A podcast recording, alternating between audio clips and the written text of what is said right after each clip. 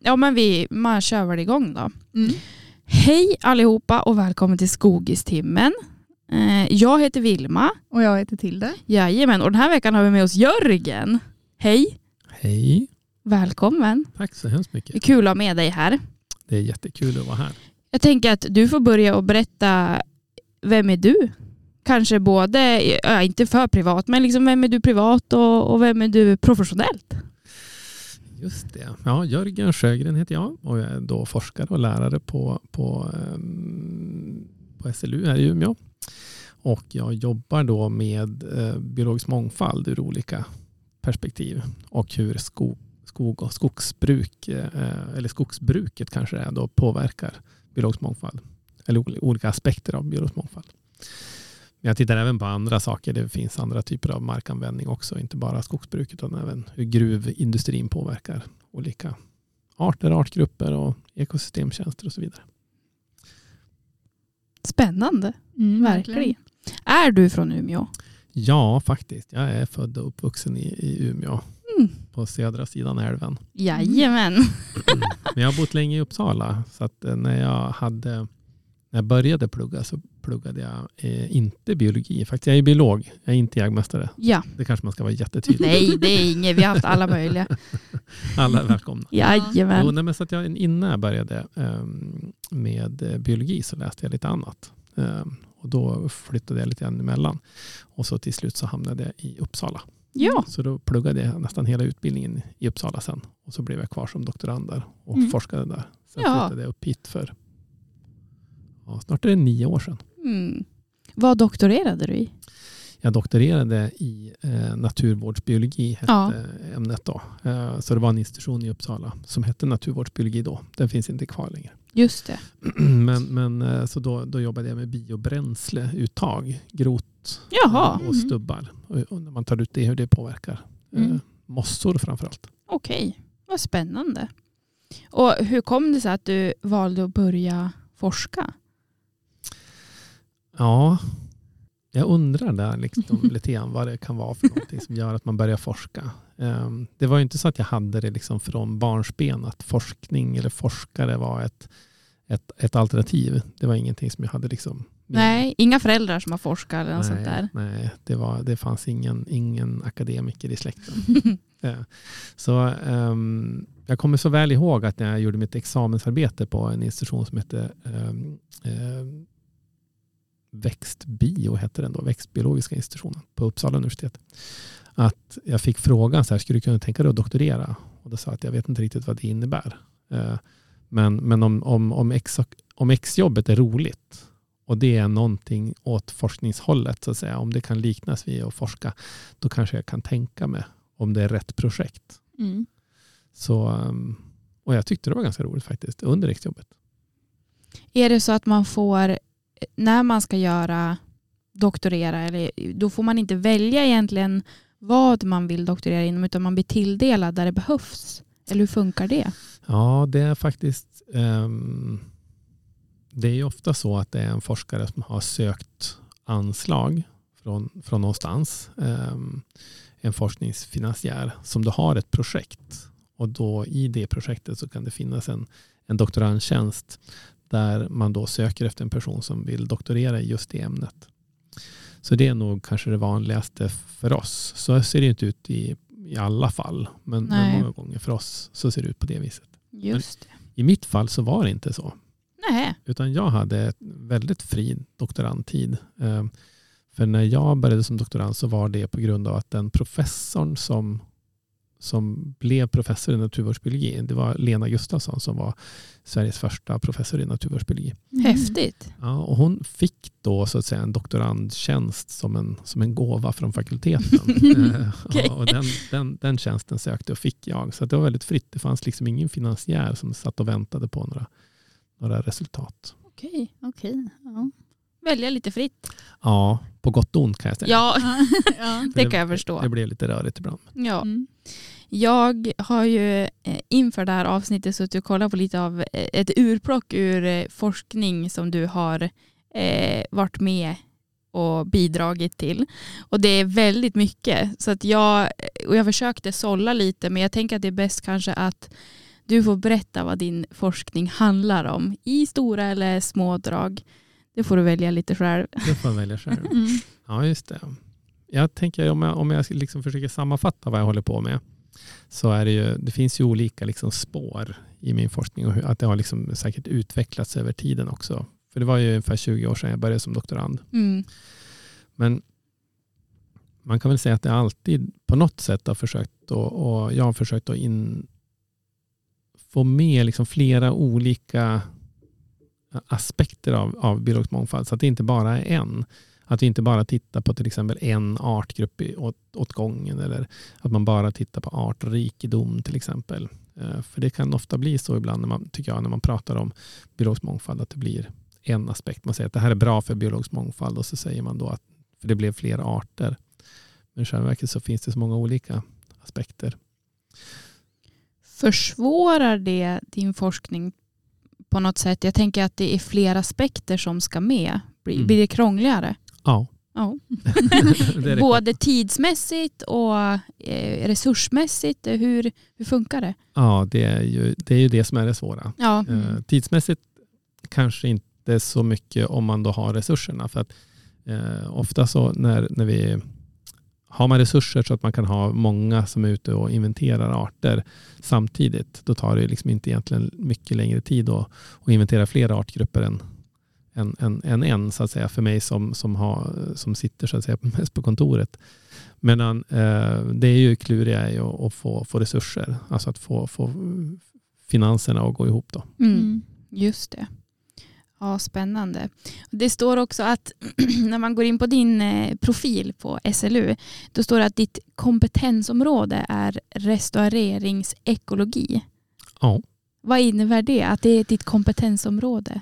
Ja, det är att, att SLU har ett antal eh, kompetensområden som är då kan man säga ämnen som man eh, har identifierat som man tycker är eh, liksom viktiga på olika sätt och vis. Eh, och då har man ett område då som heter, kompeten- eller som heter restaureringsekologi.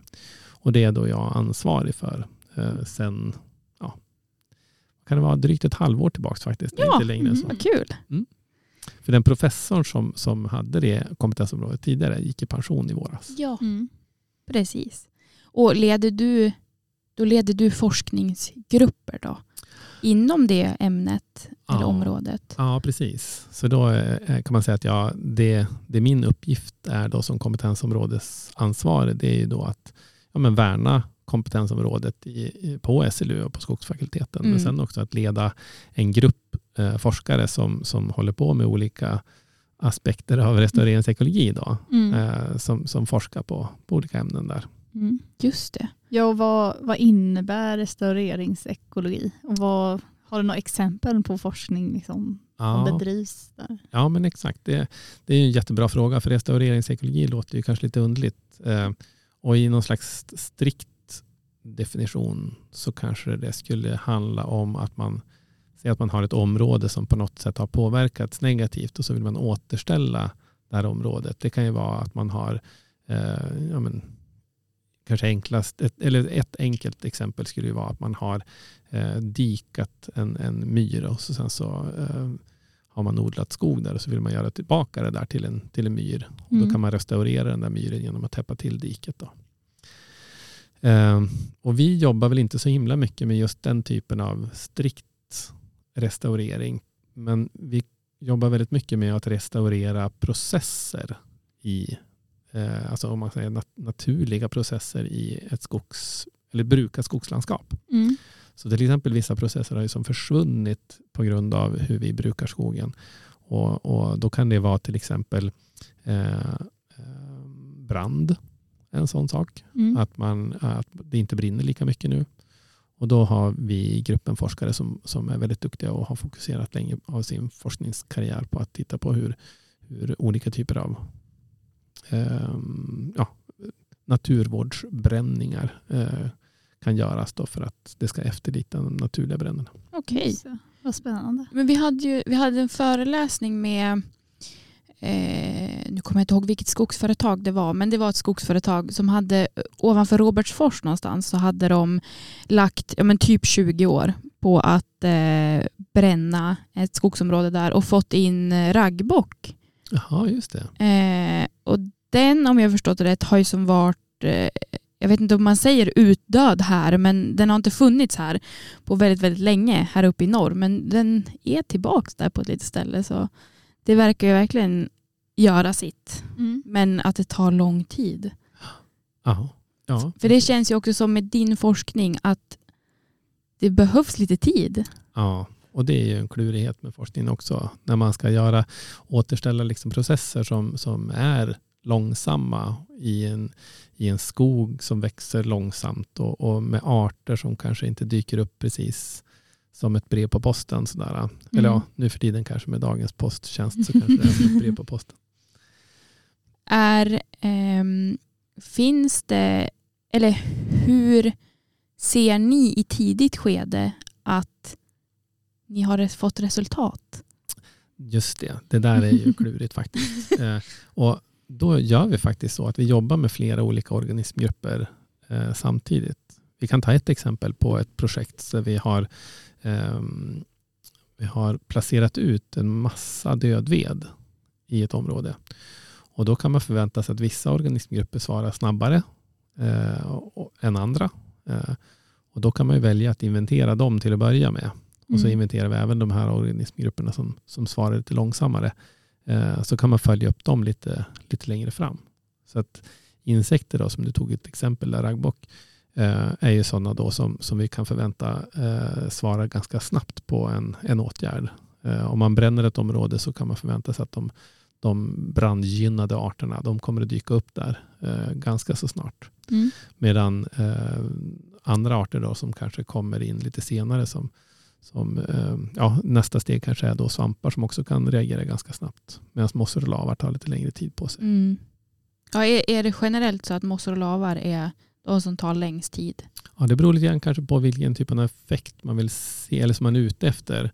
Um, lavar och mossor kan ju dö ut ganska fort. Mm. Mm. Så att det är ju en effekt som man kan studera också av en åtgärd. Eh, att man ser liksom hur, hur länge klarar de sig om man, om man utsätter dem för ett, någon form av miljöförändring. Ja, ja, precis.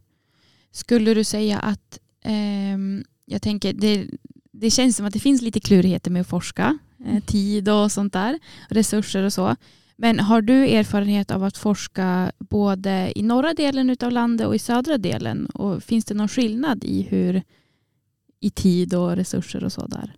Ja, just det. Ehm, kanske inte i södraste delarna av Sverige. Jag jobbade ju som jag sa då i, i Uppsala länge. Mm. Och det är ju inte södra Sverige, det vet jag ju. Men för, för en norrlänning Nej, så är det det ju... räknas ju som Norrland. Nej, inte Uppsala. Nej. Inte Uppsala, Nej, Gävle Okej. går ju gränsen. men nästan. Ja. Okej. Precis. Det är fortfarande liksom inte, vi har ju, det är inte liksom bara eh, lövträd om man Nej. tar sån sak. Utan Mm. det, det var ju bar, barrskog med lövinslag som jag forskade i där. Ehm, så där är det väl inte jättestor skillnad kanske mot för hur det är att forska i de här områdena. Eh, och jag forskar ju även uppe då i, i nordligaste Norrbotten. Jag har ju haft projekt även uppe i Abisko och så, eh, precis vid trädgränsen där. Men det som är stora skillnaden är ju egentligen när man kan köra bil på vägarna.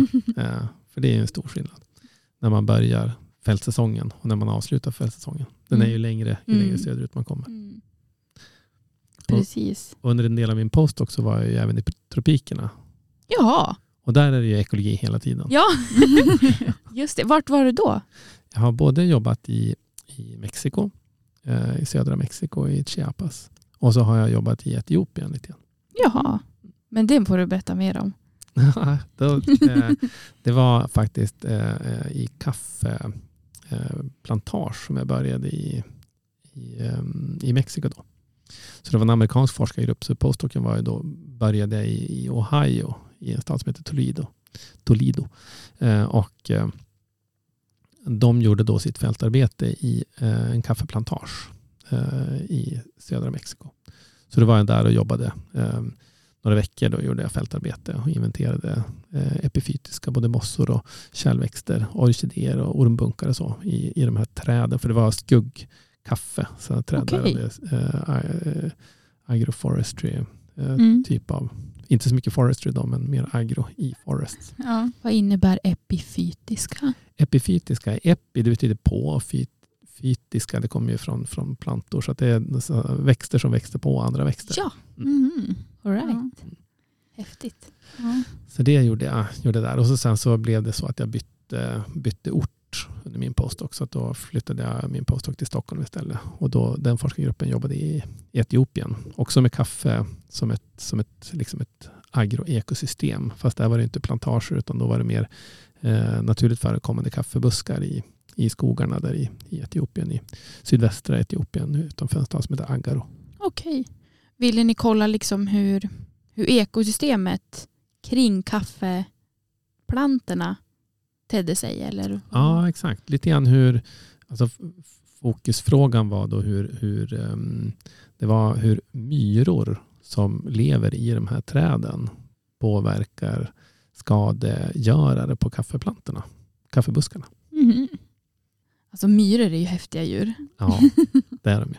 Alltså man, vet, man får inte lära sig så mycket om dem.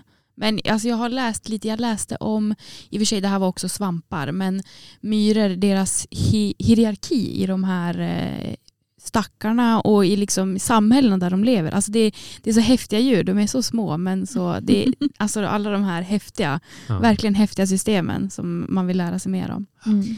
Och det var också, det handlade om svampsporer som, eh, alltså på något sätt så de här svampsporerna spred sig genom myror.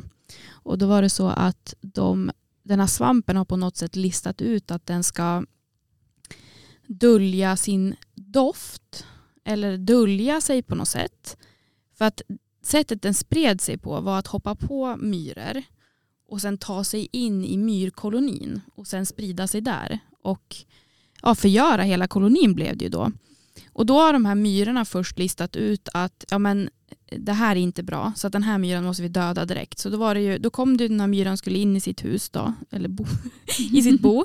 Och sen kom det som två myror som fick offra sig då, för de tog ju ihjäl den där myran och sen tog de ihjäl sig själv också för att inte hela kolonin skulle förstöras. Och då har den här svampen på något sätt listat ut det.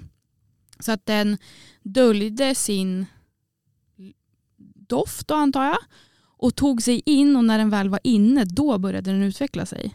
Mm. Och det, det var jätteobehagligt men det var också jättefascinerande och då pratade de också om myror och de här hierarki, hierarkisystemen och sådär. Mm. Det var väldigt sidospår men Ja. myror är häftiga grejer. Ja, det är jättehäftigt. Jag hade en gång en handledare som sa att eh, akta dig för att börja med myror för de som börjar jobba med sociala insekter de kan inte sluta sen för Ja, att det är så Åh fascinerande. herregud, ja. Är mycket man inte vet. verkligen. Mm. Vad heter det? Jag tänkte på det här med gruvdrift. Du har kollat på, på um, eh, restaurering i, vid gruv, efter gruvdrift. Då.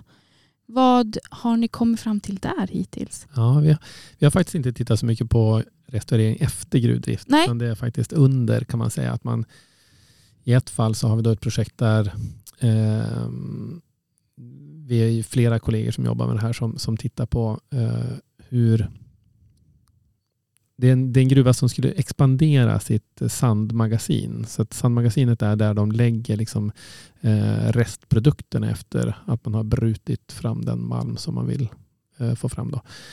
Eh, så att den här fina fina sanden som blir över den lägger man då på, på en deponi. Och det där eh, behövde man expandera, den här deponin. Så då skulle man avverka väldigt höga naturvärden i en, en skog med väldigt höga naturvärden.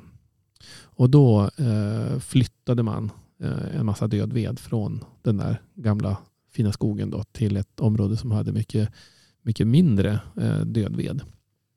Och det är det vi har studerat i, just det projektet. Okej. Sen har vi ett annat projekt då man tittar på, då vi tittar på hur, hur dammet från de här gruvdeponierna, eh, för det, under vissa tider på året så sprids det där ut då, som ett fint damm som blåser ut över landskapet. Och då tittar vi på hur, hur det där dammet då påverkar både växtlighet och, och ska titta även på vissa ekosystemtjänster som poll- pollination. Eller ja, Ja. pollinering heter det. Mm. Jag antar att det är lite för tidigt att säga något om den. Ja, Ja. det är för tidigt. Nej, Spännande. Det är spännande när, när ni kommer fram till det. Återkomma till skogstimmen Ja, några år. såklart. Verkligen. Ja. Tycker du att eh, forskningen inom naturvård har, har liksom eh, samma prioritet och samma status som jag tänker forskningen inom eh, skogsproduktion? Jag vet inte om jag kan svara riktigt på det. Jag har lite för dålig insyn i hur mycket som skogsproduktion liksom prioriteras. Det beror väl kanske lite grann på vad man menar med skogsproduktion. Mm. Eh, jag tror vi, vi har som diskuterat lite mellan varandra att eller vi har fått uppfattningen om att det saknas väldigt mycket kunskap inom naturvårdsområdena. Medan det finns väldigt, väldigt mycket kunskap inom natur eller skogsproduktionsdelen. Liksom. Och de här två sammankopplas ju ändå på något sätt. För att ja, naturvård och, och skogsproduktion, de, det går ju som inte att komma ifrån varandra på något sätt. Eh, det är väl mer den vinkeln jag tänkte. Eller så här, tycker du att det är något, vad, vad måste vi fokusera på framöver? Just det. Na- Naturvårdsforskningen. Ja, men jag kan svara på, på den här första frågan kanske lite mer då. För att då tänker jag ju så att, att så har det förstås absolut varit. Att vi vet ju jättemycket mer förstås om gran och tall Mm. eh, och vissa björk och liksom lövarter Mm. än vad vi vet om, om den övriga biologiska mångfalden. Eh, och det har ju eh, historiska skäl. Eh, att, man, att man hade eh, under lång tid så var ju fokus i skogen och skogsforskningen på att producera biomassa. så då tänker jag ju att, att det är ju inte så himla konstigt att man ligger efter på naturvårdsdelen. För där har vi ju inte hållit på så himla länge. Det var ju först 93 som vi fick en, en skogsvårdslag då som, som eh, gjorde att naturvården blev, fick ett liksom uppsving. Och så sen med FSC-certifiering av skog också mitten på 90-talet. Eh, Så vi ligger ju efter rent tidsmässigt eh, Mm. där. Mm. Så, och så sen är det ju också eh, så att, att när vi pratar naturvård och biologisk mångfald så är ju biologisk mångfald så väldigt många fler arter än, än, än några trädarter. Så Ja, ja, det tar ju tid att bygga upp den kunskapen på, på alla de där, vad det då kan vara, 55-60 tusen andra arterna än, än tallgran. Mm. Ja, verkligen. Men det känns också, det, för den uppfattningen fick jag också, vi har haft det i undervisning och det har varit jättespännande men det känns också så himla komplext. Mm. Så komplext och eh, svårt med att ha något tydligt svar också för hur man ska agera. Och det tar ju sån tid att få fram eh, kunskapen. Mm. Eh, så att där hade man ju, om, om jag ska svara på din fråga där som du ställde om, om eh, vad man skulle fokusera på Ja. på naturvårdsforskningen så tänker jag att det skulle vara väldigt flott att få såna här riktigt långsiktiga eh, storskaliga fältförsök som man då till exempel har då på, på skogsproduktionssidan. Mm. Eh, Att vi kunde få ha en sån forskningsinfrastruktur som man kallar det då. Där vi får, får eh, inventera alla de här art, andra artgrupperna då, förutom träden. Ja. Mm. ja, jag har en fråga. Eh, och det kanske är hur, alltså det här forskningsområdet, skulle du liksom beskriva det som ett stort forskningsområde eller liksom är det svårt att få pengar eller händer, det kanske har hänt väldigt mycket också under din tid eller som under du har forskat?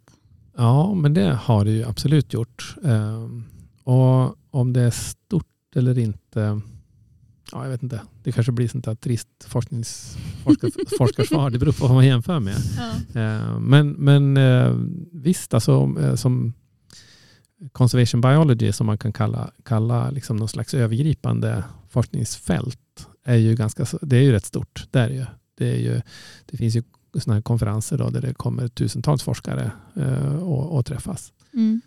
Eh, Så på så sätt så är det ju många som ägnar sig åt det. Ehm, Och det finns ju ett ganska stort fokus eh, globalt på frågor som rör biologisk mångfald. Mm. Så det händer ju mycket, absolut. Det gör det. ja, verkligen. Det känns som att det är något nytt varje dag som man ska hålla koll på.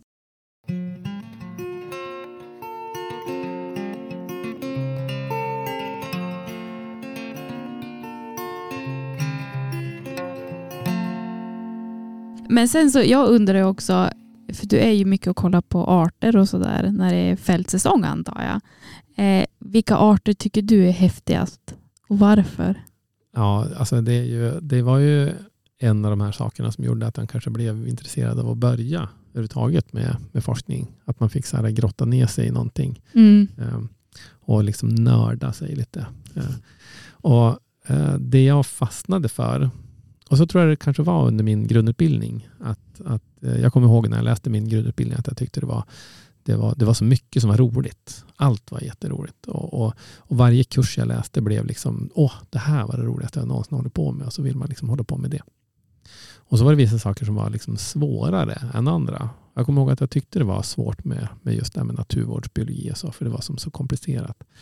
Man blandar in människan i det där och det är ju böket. när, när, när människor ska fatta beslut och så. Men, men en, en organismgrupp då som jag fick liksom ett särskilt gott öga till, det var växter i liksom ganska vid bemärkelse. Jag tyckte det var jättefascinerande. Jag kommer ihåg när jag läste första en floristikkurs då på Uppsala universitet. Och jag började liksom få upp ögonen för att det fanns massa olika, alltså att det fanns olika gräs. Bara en sån sak hade jag aldrig tänkt på. Som uppvuxen i Umeå så hade man ju inte heller sett så himla mycket blomstrande ängar och så. Det, så att man hade, det var, det var så, så växter generellt. Men sen så efter, efter en tag in i grundutbildningen så, så um, hade vi någon kurs där vi gick igenom mossor. Och då tyckte jag det var ännu mer fascinerande. För det där som jag hade lärt mig då om växter, att de hade kärl eh, som, som transporterade då, eh, vatten och näringsämnen upp och ner i, i, i strukturen. Det fanns ju inte då hos mossorna. Och det tyckte jag var jättefascinerande. Så Mm. då började jag liksom nörda ner mig på mossor lite grann. Så mossor som grupp är väl det som jag tyckt var det mest fascinerande. Mm. Mm. Ja, de, de är ju häftiga. Mm. Vi har haft, vi har haft Elisabeth i, i undervisning och hon är ju verkligen så här, kan prata mossor hela dagen om hon får. Ja. Och det är också hennes entusiasm gör, ju att- gör att man också blir väldigt intresserad. Ja. Mm. Och hon tycker ju om vitmossor så det är som ett, ett släkte Ja, av mossor som hon, är, som hon har, har nördat ner sig ännu mer i. Mm. ja precis. Ja, eh, men eh, vad är det med, med mossorna som du tycker är häftigt? Vad gör, om man tänker så här, du kan, du kan ju också sånt här. På vilket sätt är mossorna viktiga i skogen? Ja, det kan man ju undra. Eh, för de är så, så små och, och eh, intetsägande kanske när man, när man tittar på dem. Och så sen kanske man tycker också att de finns väl bara där. Liksom. Mm. är någon slags, ungefär som att man, man går omkring på, på, på ett slott och kanske bara tittar på väggarna och målningarna. Men man tänker inte på att allting bärs upp av ett golv. Och det här kanske är lite grann samma sak då. Att eh, mossorna utgör liksom skogens golv många gånger. Ja. Men vad det är som är så, vad de gör, eh, de, de har ju en roll förstås. Eh, om man nu ska tänka sig lite så här, eh, vad finns det för mening med en mossa? så har de någon slags roll i, i, i ekosystemet naturligtvis. En del lever ju i symbios med, med kvävefixerande cyanobakterier så att de fixerar kväve då och fungerar som, som substrat för de här eh, kvävefixerarna. Sen så är de ju också li, liksom boplats för väldigt mycket biologisk mångfald. Det är många, många insekter som, som lever i, i bryosfären, så att säga, i moss, moss, delen av världen. Jaha. Mm. Eh, Och så sen så är de ju eh, utgör de någon form av, de är ju också grogrund så att säga för, för mycket av annan vegetation. De var ju de, liksom, man tänker sig att det var bland de första eh, landlevande växterna som, som eh, så att de har ju fortfarande den funktionen att etablera sig på kal mark eh, eftersom de inte behöver, de har inga rötter som tar ju liksom inte upp sina, sin näring från marken utan de tar ju upp det från omgivningen. Mm. Ja, häftiga. Mm. Och vi har ju också blivit varse vad mycket olika mossor det finns och Mm. arter överhuvudtaget. Men det har ju fått en helt annan innebörd att gå i skogen nu. När man ser, ja men man, man har ju sett vitmossa, sån här gran, granvitmossa och björnmossa. Och det är ju som så självklar del i skogen. Men man vet inte vad det var för något och vad de hade för funktion och, och så. Men Mm. det är en otrolig mångfald Mm. väldigt häftiga. Verkligen. Tilde, vad tycker du? Vad har du för art som du tycker är extra häftig? Oj gud vilken svår fråga. Mm. Alltså jag gillar ju grodor väldigt mycket. Grodor? Ja. Något som inte är en växt. Eh, Men jag gillar ju alltså träd. Mm. Mm. Har du någon speciell? Ja, det var dumt att jag ställde den här frågan för Mm. måste jag, jag hade inget svar själv. Men ja. jag fascineras utav, jag har alltid fascinerats utav ehm, rosling som Mm. växer på, på myrar. Jag, ty, jag, tycker att det är helt, jag tycker det är helt fascinerande att de växer på ett sånt där sketet ställe. alltså, och ändå är de så vackra. Det är så Ja. fint när det, när det blommar. Ja, men och hjortron och liksom, jag, jag tycker det är så fascinerande de Mm. här växterna som klarar av att leva på myrar. Ja, och de, ja, myrar är de här uh, sileshåren med är väldigt coola. Mm. eh, Som är köttätande. Ja. Och sen när vi var ute på myr med klassen någon gång så var det någon, heter de kallor? En kalla? Nej, heter de så? Mm, vad, vilken myr blomma. var vi på? Vi var vid Nydala. Missne kanske du? Nej, heter Nej de men man missne? kan ha, typ, kan man inte ha typ fredskalla kan man ha som så här inomhusväxt typ. Eh, hemma. Jörgen är lite förvirrad. Men var det den här vita? Ja, med ett ganska stort blad Ja, som men ser heter lite in- så här plastigt ut. Heter nästan. inte den missne? Den heter Missne. Ja, Okej, men det är väl en slags kall... Nu ska jag kolla. Miss- men den var också otroligt vacker och Mm. bara stack upp där. Ur, ingen, ur ingenstans. Ja, den heter Kalla palustris. Kalla palustris. På tal om sileshår när du sa det. Jag har börjat följt en ekolog. På, alltså jag tror han är från Nya Zeeland. Och han lägger upp bilder, typ en per dag, på någon växt som han har där hemma. Och då eh, la han upp en bild på, jag antar Nya Zeelands version utav sileshår. Den var eh, Alltså såg, väl, den var väldigt lik svenska versionen. Men den var liksom bredare och sen så hade den samma de här håren som de samlade insekter i. Och jag tyckte Mm. det var så jäkla häftigt att det är, det är som lika även fast det är så långt ifrån varandra. Två helt olika världsdelar. Men de har ändå som samma, samma funktion och samma sätt att skaffa mat och de ser typ likadan ut. Mm. Ja, Det var- det, du såg inte vad det var för släkte. Det kan ju vara samma släkte till och med. Jo men det, det var det. Det var det. Mm. Men det var, det var och, men, och det syntes väldigt tydligt men den såg ändå annorlunda ut. Det var bredare och det var lite, men det, jag tycker det var häftigt liksom att det har utvecklats och blivit typ ganska lik varann. Mm. även fast det är på olika ställen. Jag kan lägga ut eh, hans eh, Instagram-profil på vår sida så kan man Mm. gå in och kolla vad han lägger ut lite varje dag. Så här skit, jättehäftiga grejer. Mm. Verkligen. Men du Jörgen, Mm. jag har tänkt fråga dig lite om framtiden i skogen. Just det. Mm. Vad, hur tror du framtiden i skogen kommer att se ut? Det är en väldigt bred fråga så du får, du får eh, tolka den som du vill. Just det. Ehm, jag tror att den kommer att vara, fortsätta vara grön, skogen. I, i, Ja! det, är min, det är min spaning. ja. Ja, det, det tror jag. Nej, men jag tror att det är... ehm, ja, men jag kan nog ändå tro att det kommer att bli en större diversifiering. Alltså vi kommer att få fler olika eh, användningsområden av skogen. Och det kommer också att göra att skogsbruket kommer att se annorlunda ut. Och det kommer att göra att skogarna kommer att bli mer, mer eh, variationsrika. Vi kommer att ha, kanske, vi kommer nog fortsätta att ha eh, kalhyggen eh, så länge liksom EU inte förbjuder det. Ehm, men, men det kommer också bli mer av de här hyggesfria metoderna och det kommer att finnas eh, ja, kanske också fler sätt att, och, och för markägare att få någon slags utkomst av sin skog som gör att man kanske inte bara behöver ägna sig åt en typ av skogsbruk. Mm. Ja. Men det, vi, vi pratade ju om det med William som var gäst förra veckan. Det här med alternativ till att hugga ner sin skog. Att eh, det behövs ju.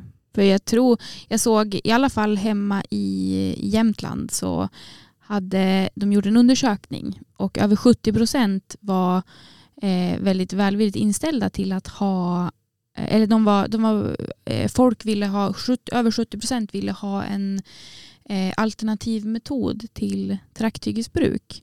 Så det verkar ju också vara som att många vill kunna göra något annat med sin skog. Hade de frågat alltså, hela Jämtlands befolkning eller skogsägarna? Skogsägare, Ja. skogsägare Ja, i Jämtland hade de frågat. Ja. Och, och ja, de flesta då vill ju som ha ett alternativ till trakthyggesbruk. Mm. Ehm, och sen om det är att man får pengar för att låta skogen stå eller att man kanske får lite extra för bläda eller vad det nu kan vara. Men det verkar ju vara något som efterfrågas. Just Mm. det. Ja, men det är jättespännande. För det, det är ju också, det vet jag inte om ni har koll på, men vi pratade lite grann om det här med forskningsfinansiering. Och för en och en halv vecka sedan så kom ju ett av Sveriges största forskningsfinansierings eh, eh, forskningsråd då, eh, Formas med, med besked om att eh, det är tio projekt eh, som beviljas 10 miljoner vardera för att titta på alternativa skötselmetoder. Men gud vad bra.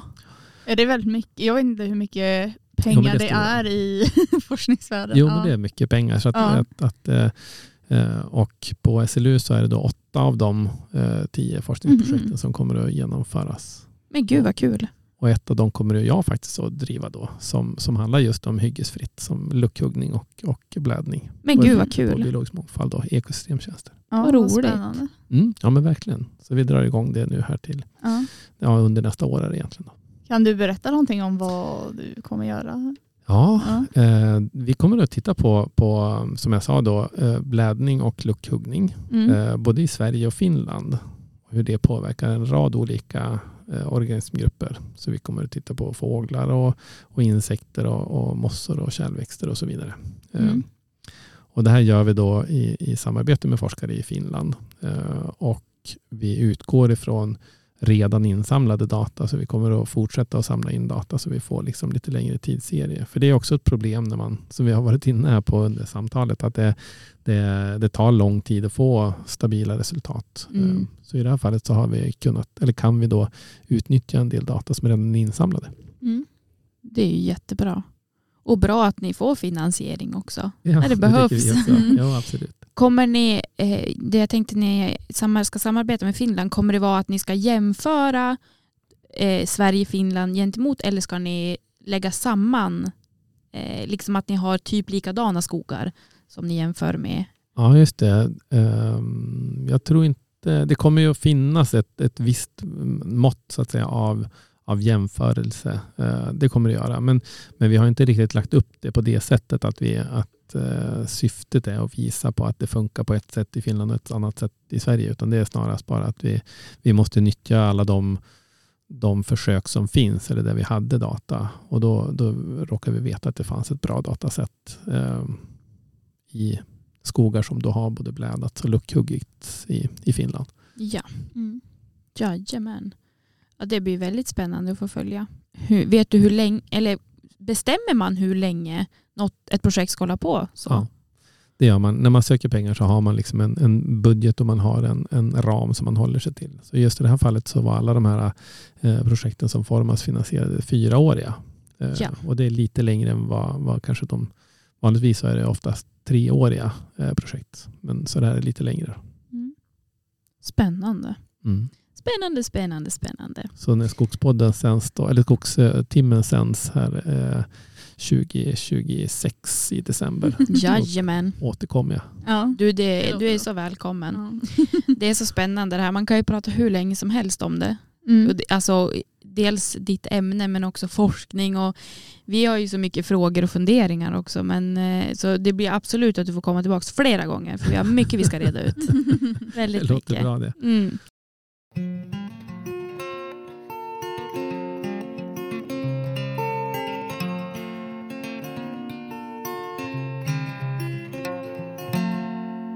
vi har ett här stående segment i podden. Veckans tips.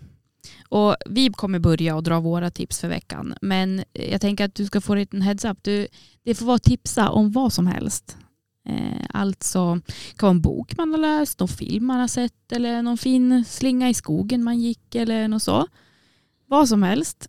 Så får fundera ut det en sväng så ska vi börja här borta Mm. med veckans tips. Tilda, har du tänkt ut något?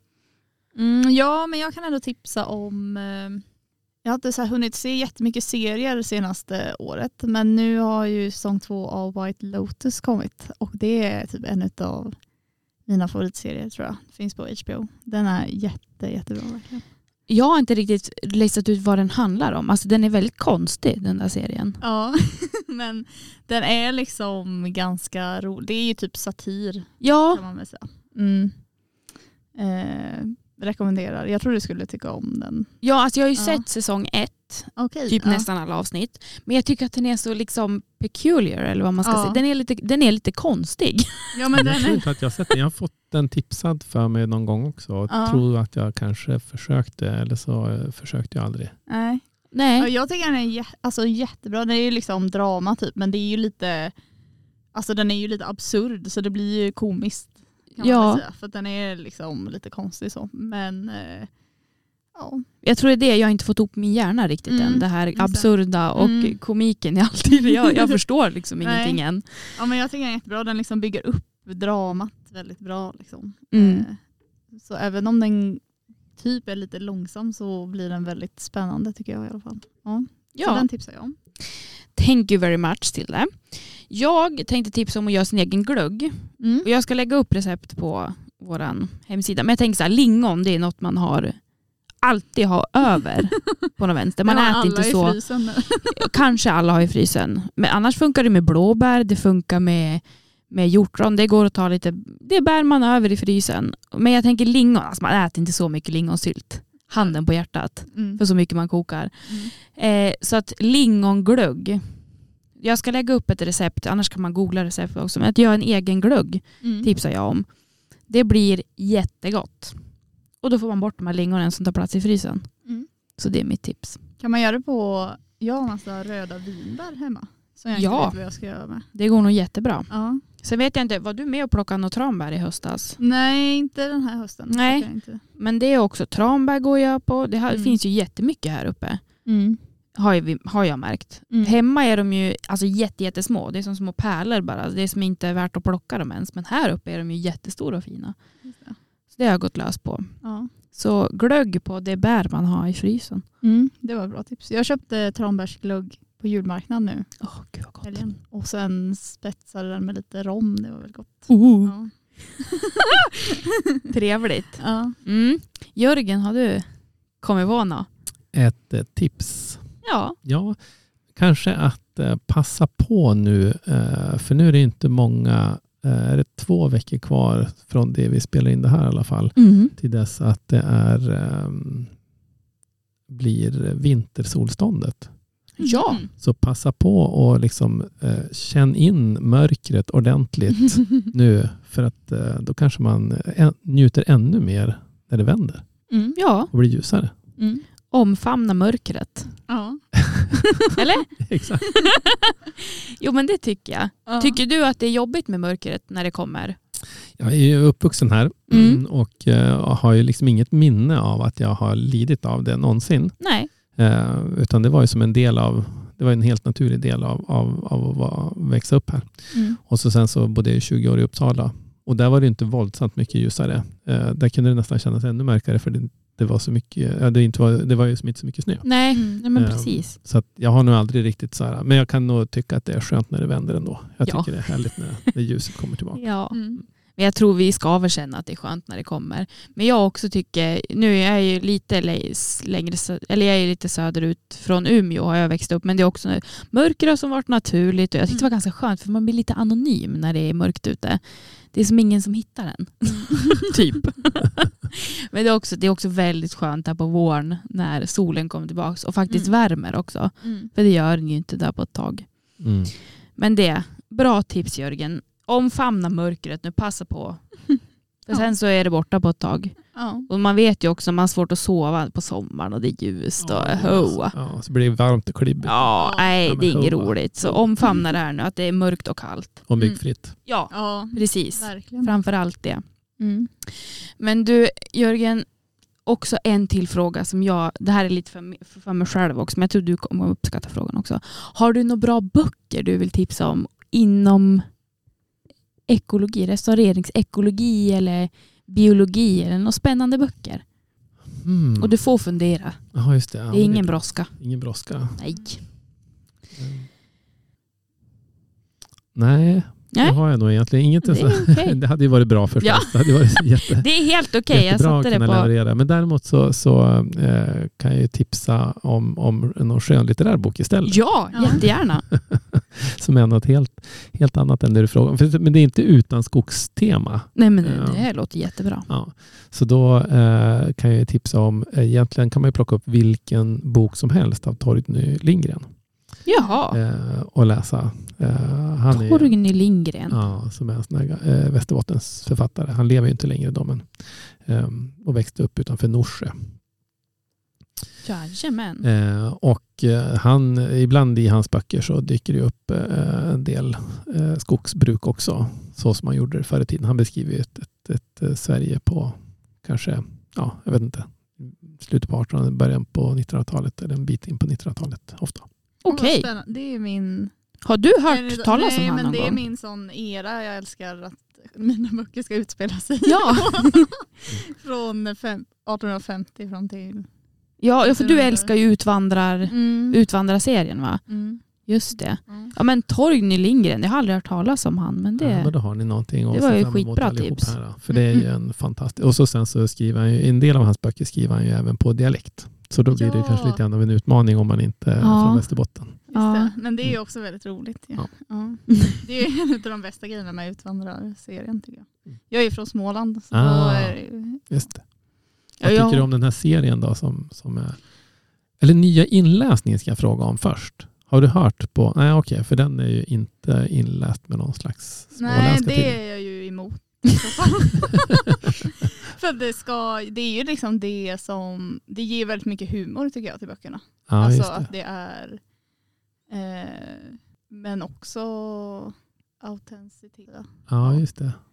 Jag blev nästan så här, när jag, jag läste typ alla fyra böckerna på en sommar och jag blev helt Sen när jag var hemma hos mina föräldrar, jag började ju prata som dem. Liksom. Jag började gå ut och säga Tia inte med. ja. Ehm, nej, och jag har faktiskt inte sett några filmatiseringar heller. Nej, Jag tänkte jag ska se de gamla filmerna i alla fall. Mm. Det är Men väl jag är nöjd med böckerna, jag tycker de är så himla bra. Så jag är ganska nöjd också med att ha dem som de är. Just det. Ja. Du vill inte ha någon film som förstör din bild utav Nej. det? Nej.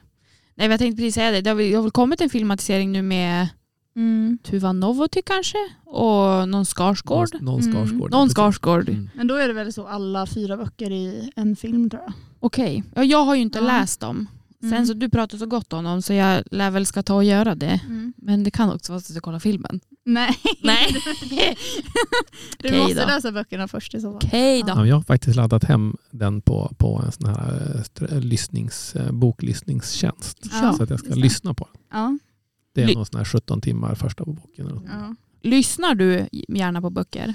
Ja, det är ju en del läsa i jobbet till och från. Ja, just så det, är det såklart. ganska skönt att, att få ta och lyssna på böcker eh, mellanåt. Så Ja. det, det gör jag. Mm. Eh, inte jättemycket, men, men eh, det gör jag gärna. Ja. Mm. Jag, märkte, jag, kan inte göra, jag blir som helt handlingsförlamad när jag ska lyssna på böcker. Jag måste som stå, stå helt still där jag är och bara då lyssna aktivt. För annars så, så kan jag som inte. Mm. Så Nej, tappar jag bort Nej, mig. men jag håller med dig. Jag går inte gärna och handlar Nej. och lyssnar, för då blir det ingenting handlat. Nej. Då blir jag ståendes där redan på, på Ja. fruktavdelningen. Så är det. Mm. Ja, men du Jörgen, vi vill tacka så jättemycket för att du var med. Det har Mm. varit jätteroligt. Mm. Och som sagt, det blir fler gånger för vi har många fler frågor. Det blir alltid så. Ja, tack så hemskt mycket för att ni, att ni ville ha mig här. Det Jo, var men- jätte, jätteroligt för mig också. Vad Mm. bra. Så säger vi till de som lyssnar att ni får ha en bra vecka. Det är måndag idag. Nu åker vi. Ja, tack så jättemycket för den här veckan. Ha det bra. Hej då. Hej hej.